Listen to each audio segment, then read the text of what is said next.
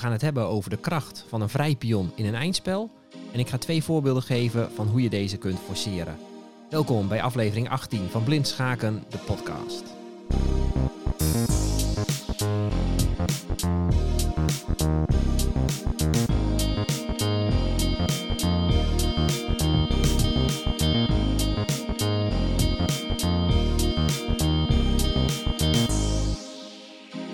Jan Spoelstra. Welkom bij deze schaakcursus per podcast. Dit is de voorlopig laatste aflevering waarin we het gaan hebben over pion-eindspelen. En ik wil nog even één belangrijk principe in een pion-eindspel eindspel behandelen. En dat is een vrij pion. Het is een heel belangrijk wapen. Een vrij pion die stelt je in staat om de koning van de tegenstander weg te lokken. En zelf met je koning aan de slag te gaan om de pionnen van de tegenstander op te ruimen. Nou, daar ga ik twee voorbeelden van geven. En ik ga nog twee voorbeelden geven van hoe je een pion kan laten doorbreken als een legertje pionnen tegenover elkaar staan. Dat ga ik doen aan de hand van vier stellingen in totaal. En voor deze podcast hebben we nodig de twee koningen en van elke kleur drie pionnen. Oké, we gaan beginnen. Ja, en in deze eerste stelling wil ik even uitleggen wat een vrij pion is. Het is een uh, relatief eenvoudige stelling. Ik zet hiervoor de witte koning op David 3. En ik zet witte pionnen op Bella 4 en Gustav 4. Dan zet ik de zwarte koning op David 5 en een zwarte pion op Gustav 5. En de vraag is, wat, is zou, wat, wat zou voor jullie de strategie zijn om deze partij uit te spelen met wit? Nou, nogmaals de stelling. De witte koning staat op David 3. Er staan witte pionnen op Bella 4 en Gustav 4. De zwarte koning staat op David 5.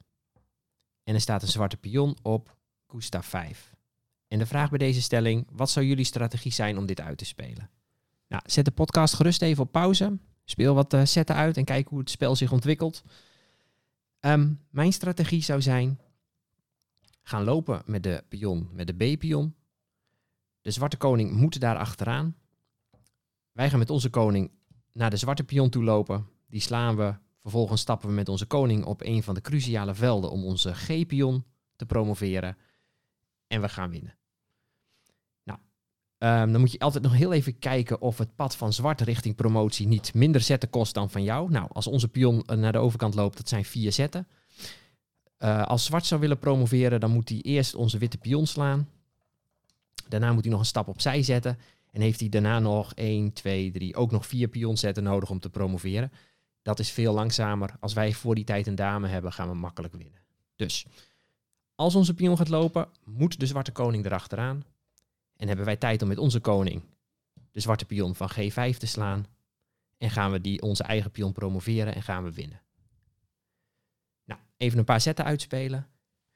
Wit gaat bijvoorbeeld met zijn pion naar Bella 5. Zwart gaat met zijn koning naar Caesar 5. Wit gaat met zijn koning van David 3 naar Eva 4. Zwart slaat de pion op Bella 5. Ik denk, ja, dat moet ik toch uiteindelijk een keer doen om mijn koning weer vrij te spelen. Uh, wit gaat met zijn koning naar Felix 5. Zwart gaat met zijn koning naar, nou bijvoorbeeld naar Caesar 6. Wit slaat de pion van zwart op Gustav 5. Zwart gaat met zijn koning naar David 6. En wit gaat met zijn koning naar Felix 6. En op de volgende beurt stapt wit waarschijnlijk met zijn koning naar Felix 7. Ligt er een pad vrij voor onze pion om te promoveren. Dat wordt een dame en we gaan winnen. Oké, dat is, uh, dit geeft aan wat de kracht is van een vrij pion. We hebben een pion die dreigt een dame te gaan worden. Daarmee lokken we de zwarte koning weg. Dat geeft ons tijd om naar de pion van de tegenstander te lopen, deze te slaan en bovendien nog op een stelling uit te komen waarbij uh, we zeker weten dat we onze pion kunnen promoveren. Nou, zo moet je een vrij pion in een eindspel inzetten. Dat geldt voor pion-eindspelen, waarbij er alleen nog maar koningen en pionnen op het bord staan. Maar dat geldt ook wel uh, als er nog meer stukken op het bord staan. Als er bijvoorbeeld nog van elke kleur een paard op het bord zou staan of een loper. Ook dan geldt, als jij een vrijpion hebt en je kunt die promoveren, dan moet de tegenstander daar actie op ondernemen. En tijdens hij dat doet, kan hij iets anders niet doen. En kun jij proberen nou ja, pionnen van de tegenstander op te ruimen. Of een andere aanval plegen. Nou ja. Dus dit is een heel krachtig wapen. Als je een eindspel aan ziet komen en jij hebt een vrij pion en je tegenstander niet. En ook al is het materiaal verder gelijk. Goede kans dat je gaat winnen. Ja, en de volgende stelling die illustreert nog nadrukkelijker de kracht van een vrij pion. En voor deze stelling zet ik de witte koning op Caesar 3. Ik heb het bord vanuit het witte perspectief liggen. Witte koning staat op Caesar 3 en er staan witte pionnen op Anna 4, Gustav 3 en Hector 2. De zwarte koning staat op Eva 7 en er staan zwarte pionnen op Felix 7, Gustav 6 en Hector 5. En de vraag is, wat is de winnende strategie voor wit? En probeer het zelf eens uh, uit te spelen, een paar lijnen. Nogmaals de stelling, de witte koning staat op Caesar 3 en er staan witte pionnen op Anna 4, Gustav 3 en Hector 2. De zwarte koning staat op Eva 7 en er staan zwarte pionnen op Felix 7, Gustav 6 en Hector 5. En de vraag is, wat is de winnende strategie voor wit? Nou, we zien dat het qua materiaal in deze stelling gelijkwaardig is. Maar de grote troef van wit is zijn pion op Anna 4. Deze, heeft, uh, deze kan in vier stappen promoveren tot een dame. Daar moet de zwarte koning achteraan als wij dat gaan doen. Dus als je bedacht hebt, ik ga met de A-pion richting Anna 8. Ik lok de zwarte koning weg en daarna ga ik met mijn koning achter de pionnen van de tegenstander aan. Dat is goed. Maar die pion van ons, van Anna 4, die kan eigenlijk op elk moment beginnen te lopen. En wat we zien in deze stelling is dat onze koning eigenlijk nog best wel ver weg staat bij de pionnen van zwart. Dus wat mijn strategie zou zijn, uh, is om eerst met de koning een stapje naar voren te zetten. En om vervolgens pas te gaan lopen met onze A-pion. Zodat we alvast wat dichter bij die zwarte pionnen staan. Voordat we die zwarte koning weglokken. Nou, wat we verder, uh, waar we verder voor moeten opletten is dat zwart niet de gelegenheid krijgt om onze pionnen af te ruilen aan de, aan de koningskant, aan de rechterkant van het bord. Want dat zou ongunstig zijn voor ons. En wat, zwart, wat we ook, waar we ook voor moeten opletten is dat zwart er niet voor zorgt dat wij met randpionnen blijven zitten. Want als je een randpion hebt, dan is die zwarte koning ook snel genoeg weer in de buurt van het veld Felix 8, van waaruit hij de velden G8 en G7 dekt. En zo we weten uit podcast nummer 15, dat zijn de cruciale velden om een randpion te kunnen promoveren. Dus um, dat zijn eventjes de zaken waar we op moeten letten in deze stelling. Nou, hoe ziet dat er in detail uit als we dat uit gaan spelen? Oké, mijn eerste set zou zijn, de koning van Caesar 3 gaat naar David 4. Dan staat hij dichter in de buurt van uh, de zwarte pionnen. Onze apion kan altijd nog uh, beginnen te lopen. En uh, nou, een, een, gewoon volgens mij een goede eerste set de koning actiever neerzetten. Nou, Zwart die ziet dit aankomen, die wil die uh, koning nog zoveel mogelijk tegenhouden en ondertussen alvast in de buurt van die uh, witte pion op A4 komen. Zwart speelt zijn koning naar David 6. En nu kunnen we met onze koning niet dichterbij komen. Nu is het tijd om uh, de zwarte koning weg te lokken door onze pion van Anna 4 op te spelen. Let erop, het, is, het, valt af te raden om met je eigen pionnen te gaan lopen aan de rechterkant van het bord. Want hoe dichter die bij de pionnen van de tegenstander komen, hoe meer kans hij heeft om deze af te ruilen. En dat wil je eigenlijk niet in deze stelling. Oké, we gaan dus met onze Anna-pion lopen. Wij spelen de pion van Anna 4 naar Anna 5. Nou, uh, de kwadrantregel gaat nu nog steeds uh, op. Zwart staat eigenlijk in het vierkant van de A-pion. Dat vierkant loopt van uh, Anna 5 naar Anna 8, naar David 8, naar David 5. Nou, daar staat die koning nog in, dus hij hoeft er nog niet direct achteraan.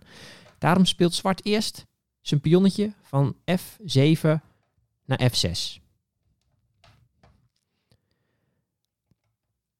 En wij gaan door met het afleiden van die zwarte koning. We stappen nu met onze pion van Anna 5 naar Anna 6. En nu moet zwart erachteraan. Hè, het, uh, hij staat niet meer in het vierkant van, uh, van, van de pion. Dus zwart moet dat vierkant instappen. Zwart gaat met zijn koning naar Caesar 6. Oké. Wij gaan door met die koning weglokken. De witte pion gaat van Anna 6 naar Anna 7.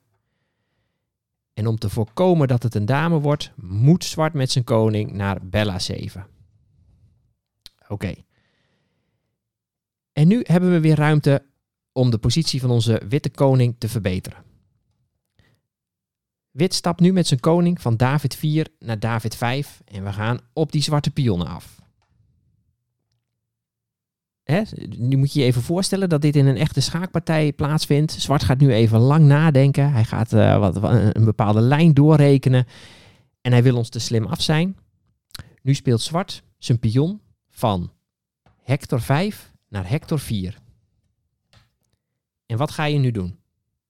Ga je die pion slaan? Laat je het daar lekker in de hoek staan? Um, ga je met je koning achter de pionnen op, uh, op de G-kolom en de F-kolom aan? Zet je uh, je pion op Anna 8 om de koning van zwart in de hoek te lokken? Je kunt verschillende dingen doen. Er zijn meerdere zetten goed overigens hoor nu. Maar wat zou je doen?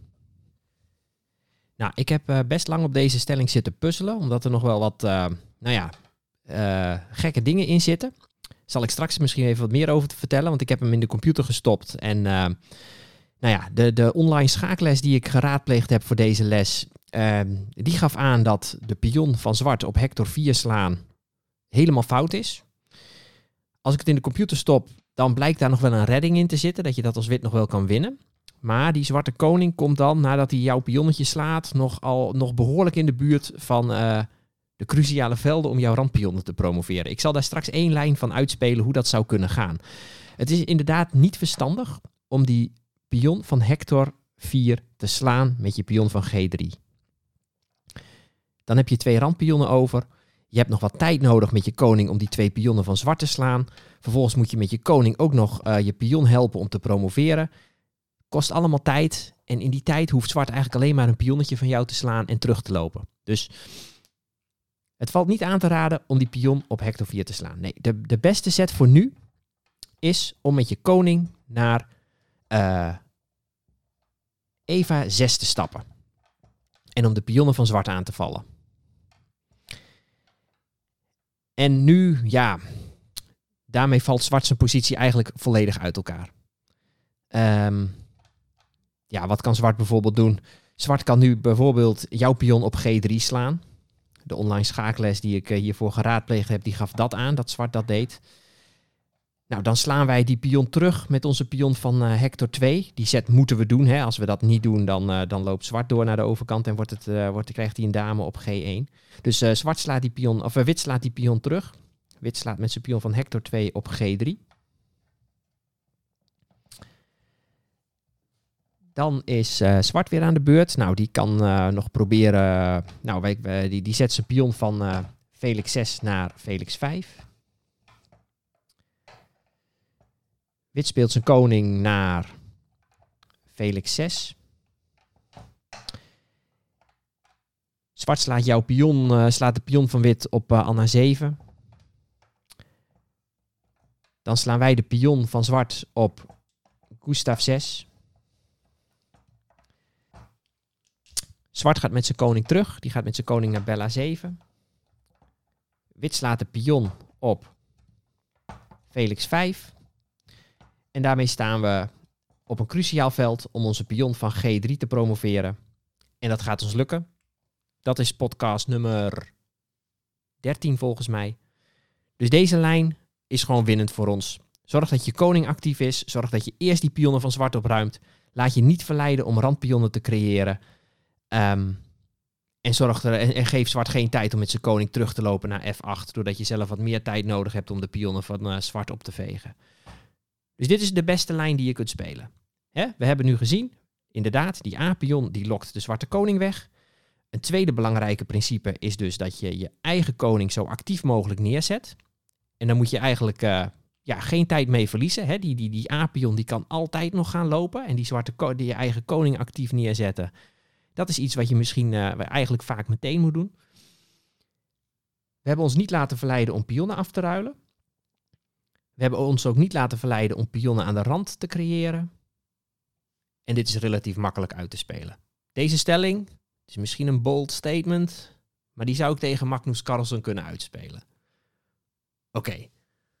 Gaan we nu even kijken wat er gebeurd was als we die randpion van zwart op H4 geslagen hadden. Ja, en daarvoor herhaal ik even de stelling zo die toen op het bord stond. De witte koning stond op David 5. En er stonden witte pionnen op Anna 7, Gustav 3 en Hector 2. De zwarte koning stond op Bella 7. En er stonden zwarte pionnen op Felix 6, Gustav 6. En hij heeft net een pion naar Hector 4 gespeeld. En nu ga ik eventjes een lijn laten zien wat er zou gebeuren als je die pion slaat. Dus ik zet nu de stat op het bord. De pion van wit van G3 slaat op Hector 4. Zwart slaat nu de pion op Anna 7 met zijn koning. De koning van Bella 7 slaat op Anna 7. En dan is nu een, uh, de enige set voor wit die wint. Die ga ik verder niet uitspelen. Daar zitten te veel nuances in om uh, uit te leggen voor deze podcast op dit moment. Um, je moet nu eigenlijk met je koning naar Eva 6 stappen. Als ik mijn engine uh, 20 zetten diep laat kijken en een vijftal lijnen laat uitrekenen, dan is dat de set die hij aangeeft. Alle andere setten staan op 0,00. Dat het een, een, een platte remise is. En dat ga ik even aantonen aan een andere logische set die je van hieruit kan doen. Een logische set voor wit is namelijk de pion naar Hector 5 spelen. Die pion die moet zwart gaan slaan, want als die die niet slaat, dan loopt die pion door naar de overkant. Dus zwart speelt nu zijn pion naar zijn pion van Gustav 6, die slaat op Hector 5. Nou, een logische set voor wit nu is om de pion van Hector 2 naar Hector 4 op te spelen. Daardoor kan die zwarte pion van Hector 5 niet verder naar voren en kan die onze koning niet verder weglokken op het moment, in de tijd dat wij hem moeten slaan. Oké. Dan gaat zwart nu op weg naar de terugweg. Zwart die ziet aankomen, wit heeft straks een randpion die die kan promoveren. Ik moet zorgen dat wit uiteindelijk niet met zijn koning op G7 of G8 komt. Dus zwart gaat met zijn koning terug. Zwart gaat met zijn koning naar Bella 7. Wit gaat pionnen opruimen. Wit gaat met zijn koning naar Eva 6. Zwart gaat met zijn koning naar Caesar 7. Wit slaat de pion op Felix 6. Zwart gaat met de koning naar David 8. Wit gaat met de koning naar Gustav 5. Zwart gaat met de koning naar Eva 8. Wit slaat de pion op Hector 5. En zwart gaat met de koning naar het veld Felix 8. Daarmee dekt hij de velden Gustav 8 en Gustav 7 af. Dat zijn de velden waar wit met zijn koning moet komen te staan om zijn randpion op Hector 4 te promoveren. Dus dit wordt remise. Wil je de verdedigende techniek hiervan weten? Luister dan even podcast 15 terug. Maar dit zou remise worden. Dus zo zien we maar, ook in zo'n soort stelling waarvan je denkt, dit is gewonnen. Ik heb een, uh, een, een mooie troef namelijk, zo'n zo'n apion als Zwart het voor elkaar krijgt dat jij wat meer tijd nodig hebt om zijn pionnen op te ruimen. En als hij bovendien ervoor zorgt dat jij een randpion krijgt, dan is het soms nog best lastig om te winnen. Ook al lijkt het een gewonnen stelling. Ja, we hebben net twee stellingen gezien waarbij we al een vrij pion hadden. Nu gaan we even kijken naar een uh, tweetal voorbeelden waarbij we zelf een vrij pion gaan creëren. Ik heb een uh, stelling voor me op het bord staan. Ik heb het vanuit het zwarte perspectief. Dus let even op. We draaien het bord om. Linksonder ligt nu het veld Hector 8. Rechtsonder is het veld Anna 8. Rechtsboven is het veld Anna 1. Linksboven is het veld Hector 1. Oké.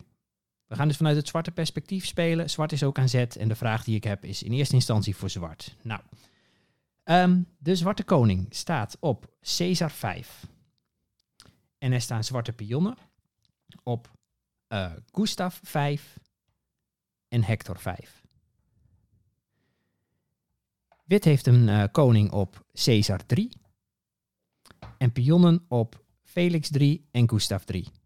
De vraag is, zwart is aan zet en wint, wat is de beste set? En misschien een tweede vraag, wat nou als wit aan zet zou zijn? Nogmaals de stelling, zwarte koning staat op uh, Caesar 5. Er staan zwarte pionnen op Gustav 5 en Hector 5. De witte koning staat op Caesar 3. En er staan witte pionnen op Felix 3 en Gustav 3. Zwart aan zet en wint, wat is de beste set? En probeer ook eens te bedenken als wit aan zet zou zijn. Hoe zou het spel zich dan ontwikkelen? Nou, zet de podcast gerust even op pauze. Probeer wat dingen uit te spelen. Ga ik nu de oplossing geven. Uh, de winnende set voor zwart hier is de pion van Hector 5 naar Hector 4. Nou, wit moet die pion slaan. Want als die die pion niet slaat, dan uh, nou ja, slaan wij of die witte pion of we lopen gewoon rechtdoor naar de overkant en we halen een dame. En we gaan winnen. Dus wit moet hierop reageren door die pion van ons te slaan. Dat is eigenlijk een, een, een gedwongen zet. Dus wit speelt zijn pion van G3 naar Hector 4 en haalt de zwarte pion van het bord. Nou, de beste zet voor zwart nu is uiteraard die pion slaan. Dus de pion van zwart van Gustav 5 slaat de pion op Hector 4. Nou, dan kan wit, uh, wit zijn koning staat uh, uh, buiten het kwadrant van de zwarte pion die gaat promoveren. Dus die kan er, en ook op zijn volgende set kan hij niet in dat kwadrant stappen. Dus die zwarte pion gaat moeiteloos promoveren. Daar hebben we de hulp van onze eigen koning dit keer niet bij nodig. En zwart gaat dit winnen.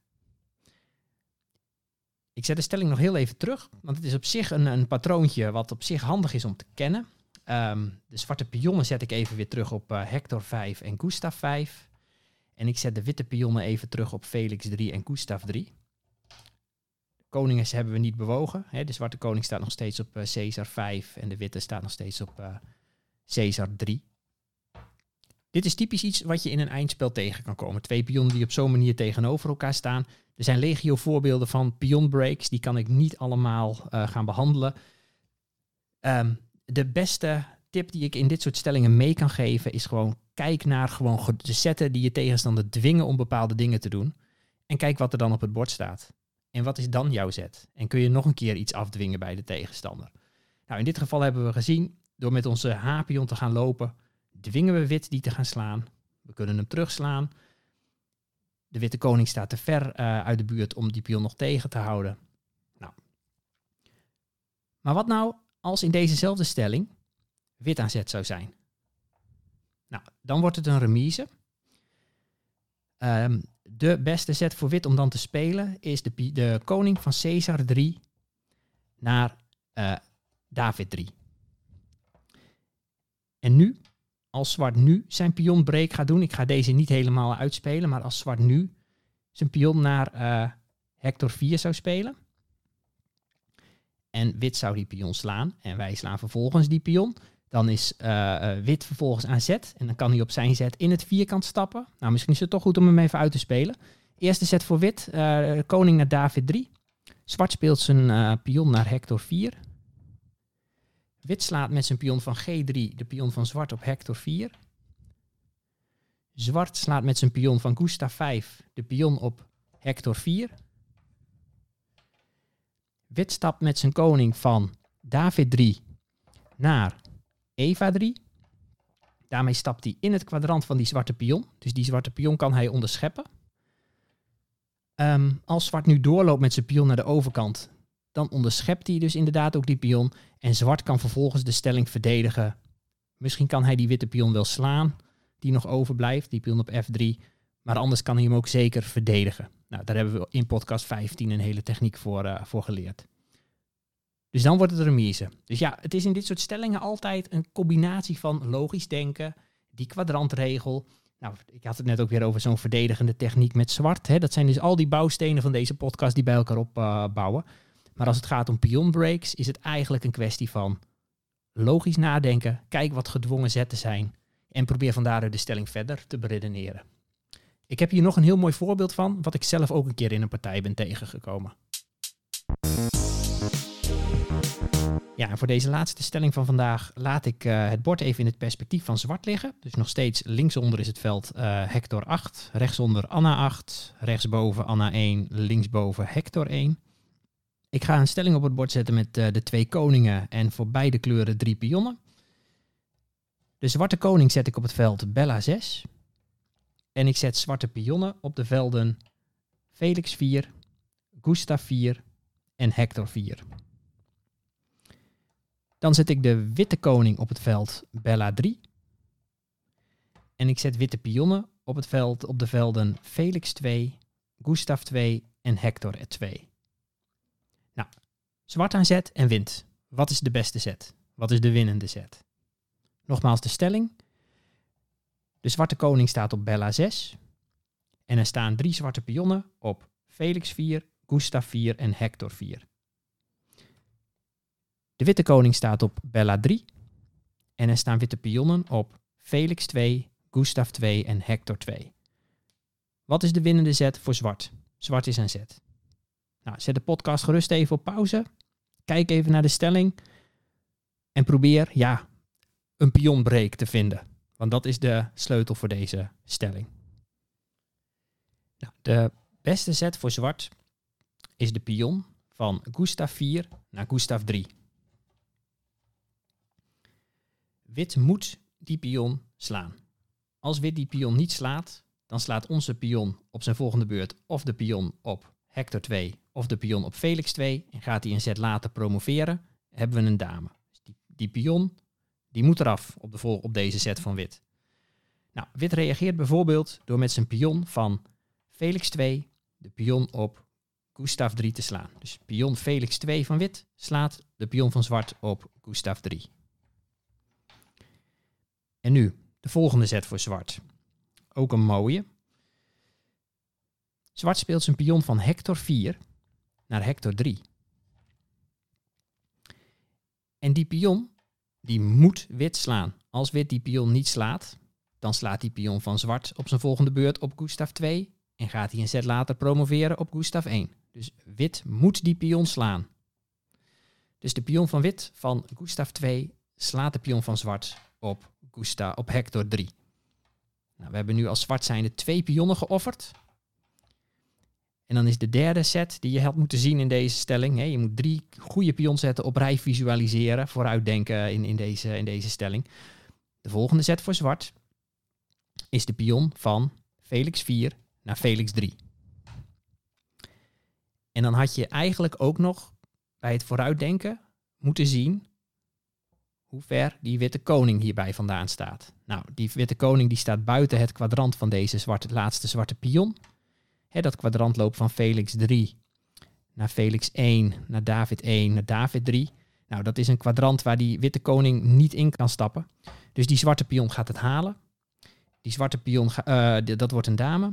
Die gaat vervolgens wat pionnen opvegen. En we gaan de, zwarte, de witte koning schaakmat zetten. Nou, deze stelling, ik zet de pionnen nog even terug.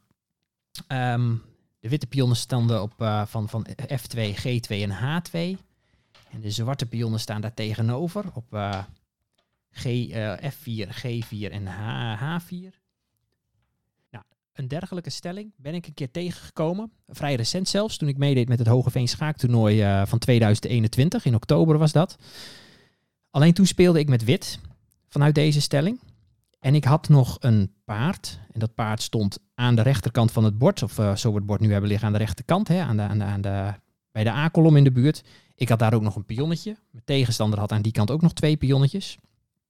Maar de stelling was eigenlijk ruim gewonnen voor mij, omdat ik dat paard voorsprong had. Maar toch zat er een behoorlijke dreiging van zwart in, doordat hij zijn pionnen inderdaad in deze configuratie ten opzichte van drie pionnen van mij kon krijgen. En als ik dat had toegestaan en hij had deze pionbreak kunnen spelen, dus inderdaad, hè, wat ik net zeg, G3, H3, vervolgens de pion naar F3 spelen en, door, en, en, en promoveren, dan had dat nog bijzonder lastig geweest voor mij om die doorgebroken pion tegen te houden. En dan had het misschien nog wel remise kunnen worden of ik had zelfs nog wel kunnen verliezen. Maar omdat ik wist dat dit patroontje eraan zat te komen en mijn tegenstander wist dat ook. Ik, had het, uh, ik heb het niet met hem geanalyseerd na de tijd. Ik heb het hem ook niet meer nagevraagd. Maar ik heb het idee dat mijn tegenstander op dit patroontje aan het spelen was om te kijken of hij toch nog een doorgebroken pion kon krijgen. Dus dit is een leuk stellingje hè, om paraat te hebben. Het lijkt een padstelling. Het lijken twee legertjes van pionnen die tegenover elkaar staan. Ehm, waar niks mee kan gebeuren. Maar er kan zeker een pion doorbreken. Nou, misschien een leuke oefening voor thuis, huiswerk. Ik ga dat verder nu niet bespreken. Probeer eens te bedenken wat er gebeurt als wit aan zet zou zijn nu. En als wit die pion break zou proberen. Wat komt er dan op het bord en waarom gaat dat niet werken voor wit? Ja, dat is het voor nu mensen. Dank voor het luisteren weer. En ik, uh, ik merk aan de analytics uh, van deze podcast dat het uh, steeds iets populairder wordt. Dat ik al een vast legertje met luisteraars heb die, ja, die toch wekelijks deze podcast downloaden. Die volgens mij geabonneerd zijn. Dus hartstikke leuk. Mocht je vragen hebben over deze podcast, stuur mij gerust een e-mail. blindschakendepodcast.gmail.com De volgende keer gaan we het hebben over, wederom over eindspelen. Maar we zetten nu torens erbij op het bord. Dus we gaan dan twee koningen, twee torens. En één uh, te, speler krijgt het voordeel van één pion. En dat gaan we op het bord zetten. En dan gaan we eens kijken wat daar voor leuke strategieën en tactieken in zitten. Nog even over de stellingen die we in deze podcast gezien hebben. Uh, in de eerste twee stellingen hebben we echt de kracht van een vrij pion gezien. Nu moet je dit soort stellingen altijd proberen te zien in een groter plaatje. Probeer die stellingen nog maar eens een keer op het bord te zetten. En te kijken wat er aan de hand zou zijn als er nog wat stukken bij op het bord zouden staan. Stel je zou uh, allebei nog een dame hebben. Dan moet je vanaf dat moment beredeneren. Is het voor mij handig om die dames proberen af te ruilen? En als die dames eenmaal van het bord zijn, is dat resulterende pionnen-eindspel voor mij gewonnen. Dus zo, zo moet je dit soort bouwstenen gebruiken in een schaakpartij. Dat je er net even een stap voor probeert te zijn. Maar dit soort bouwstenen, dit soort patronen en principes, probeer dat aan te zien komen. En probeer op basis daarvan te besluiten of je inderdaad de laatste stukken van het bord wilt afruilen of niet. We hebben het dus gehad over de kracht van een vrijpion. En we hebben twee patronen gezien van pionnen die tegenover elkaar staan. En dat er dan inderdaad een pionbreak mogelijk is. Waardoor je een vrijpion hebt die gewoon naar de overkant kan lopen en waarmee je kan winnen. Uh, volgende keer zetten we de torens er weer bij op het bord. Nogmaals, heb je vragen? Blindschakende podcast gmail.com. En ik zie jullie graag de volgende keer terug achter het bord.